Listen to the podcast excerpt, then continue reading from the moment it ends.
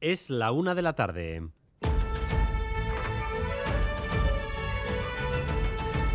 Crónica de Euskadi con Dani Álvarez. A Rachaldeón, los sindicatos de la Archaincha cumplen lo que ya nos avanzaron hace 48 horas. No rotundo a la oferta del Departamento de Seguridad. Quieren más. Quieren mucho más. La reunión de hoy, con la que se retomaba el contacto formal entre ambas partes, ha durado apenas 30 minutos, que descontando saludos y despedidas seguramente han sido menos. Ambas partes transmiten en estos instantes sus versiones a la opinión pública. Xavier Madariaga, Rachaldeón. Sí, tras la fallida reunión entre sindicatos y la Dirección de Recursos Humanos de la Erchanza, acaba de llegar la valoración del consejero Ercoreca. Quiero lamentar, en primer lugar, la actitud intransigente, irreal e irresponsable que los sindicatos de la Archancha han mantenido en la reunión de hoy. Ercoreca acompaña esta valoración con un llamamiento.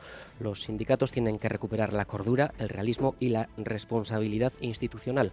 La subida de salario que plantean es directamente ilegal. Eso corresponde al Estado, dice el consejero. Actitud irresponsable de los sindicatos ha dicho el consejero Ercoreca hace apenas unos instantes.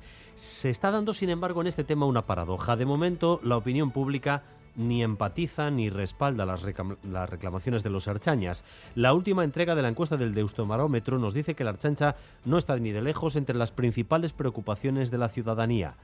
Donde está la atención es en Osakidecha.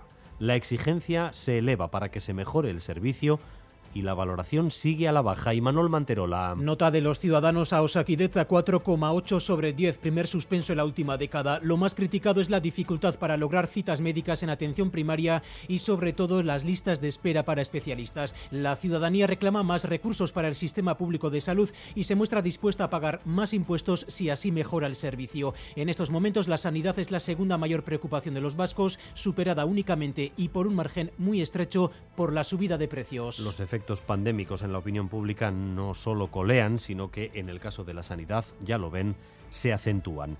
Solo queda un resto visible del virus, que son las mascarillas en centros sanitarios y farmacias. La cuestión es que la gente se ha acostumbrado tanto a ir sin mascarilla que muy pocos recuerdan que allí las deben llevar. Así que hoy podría decidirse su retirada definitiva. Natalia Serrano. Y a esta hora parece claro que se retiran, que Ministerio y comunidades acordarán esta tarde esa retirada de mascarillas en farmacias y centros sanitarios. La fórmula, como en otras ocasiones, será cambiar la obligación por la recomendación. En algunos casos muy excepcionales, en hospitales, eso sí, podría ser obligatoria. El informe del Consejo de Salud Nacional, redactado por Fernando Simón ya está listo para que esa decisión tenga soporte científico. A ese rigor se le suma la incomprensión de la medida a estas alturas, sobre todo en las farmacias. Sonia Saez de Buruaga es farmacéutica. Nosotros ya en la farmacia empezamos a tener problemas, ¿no? De gente que no se la quiere poner, de la gente que protesta. Nosotros, pues bueno, seguimos la legalidad vigente y creo que poquito a poco hay que empezar a hacer al revés, ¿no? Que el que realmente tiene síntomas o que realmente tiene problemas, peligro, ¿no? Por ser vulnerable debería de utilizarla. Esa responsabilidad social que a veces nos falta. El PNV logra la presidencia de las Juntas Generales de Guipúzcoa. La oferta a EH Bildu para que hubiera representación de todos los grupos en la mesa no cuajó y la diferencia con respecto a Vizcaya es evidente. El PP en Guipúzcoa sí obtiene un asiento en la mesa. Así que da la impresión de que a pequeña escala hemos tenido un avance de lo que va a ocurrir en la sesión de investidura para la Diputación. PNV y EH Bildu siguen confrontando sobre si hay pacto o no con el PP claramente que el PNV y el Partido Socialista han negociado y han pactado con el PP para investir a Eider Mendoza como diputada general. La extrema derecha española se ha incorporado a la mesa de las Juntas Generales de Guipúzcoa. Que ha quedado muy en evidencia la dificultad estructural que tiene EH Bildu para llegar a acuerdos con el resto de las formaciones políticas.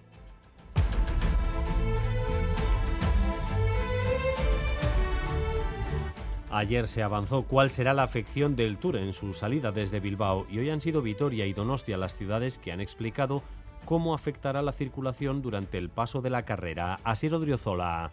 Vitoria-Gasteiz acoge la salida de la segunda etapa y la ciudad verá modificado el tráfico habitual por cortes de carretera que modificarán a su vez el tránsito habitual. Ocurrirá lo mismo en Donostia que acoge el final de la etapa que sale de Vitoria con casi 5 kilómetros de carrera por la ciudad. Pero será especialmente en la tercera etapa cuando más se noten las afecciones porque el Tour recorrerá casi 20 kilómetros por sus calles camino de Bayona. Las recomendaciones son claras. Martín Ibabe, concejal de seguridad. Que la ciudadanía planifique con antelación todos los desplazamientos que vayan a ejecutar esos días y se priorice el uso del transporte público, renunciando al uso del vehículo privado porque las limitaciones a la movilidad van a ser muy importantes.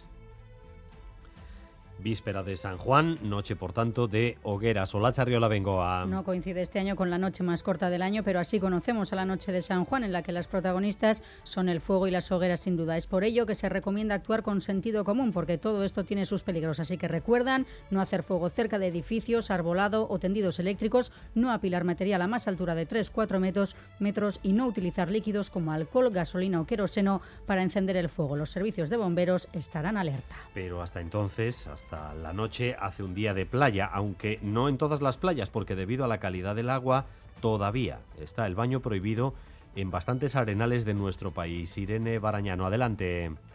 Sí, debido a las lluvias torrenciales de estos días han aumentado los niveles de E. coli en nuestras playas, bacteria que si ingerimos puede llegar a producirnos problemas del tracto digestivo como gastroenteritis. En Vizcaya el baño continúa prohibido en las playas de Ea, Gorliz, Lekeitio, Mendesa, Musquiz, Ondarroa, Plencia y en las arenas de Arrigunaga de Guecho. En Guipúzcoa faltan por reabrir las playas de Saturrarán y Ondarbels en Mutricul, y la playa de Oñati e Iturun y Santiago en Zumaya.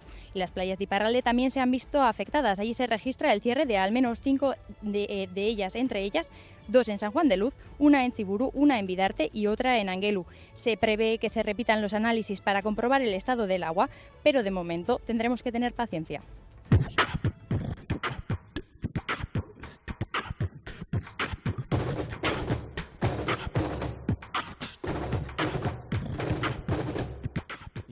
Suena es Mayumana, el grupo de danza y percusión de origen israelí que estrenará en Bilbao su próximo espectáculo mundial. Palmira Cardo, componente de Mayumana, explica a Radio Euskadi por qué han elegido Bilbao para ese estreno los próximos días 7, 8 y 7, 8, 9 y 10 de septiembre.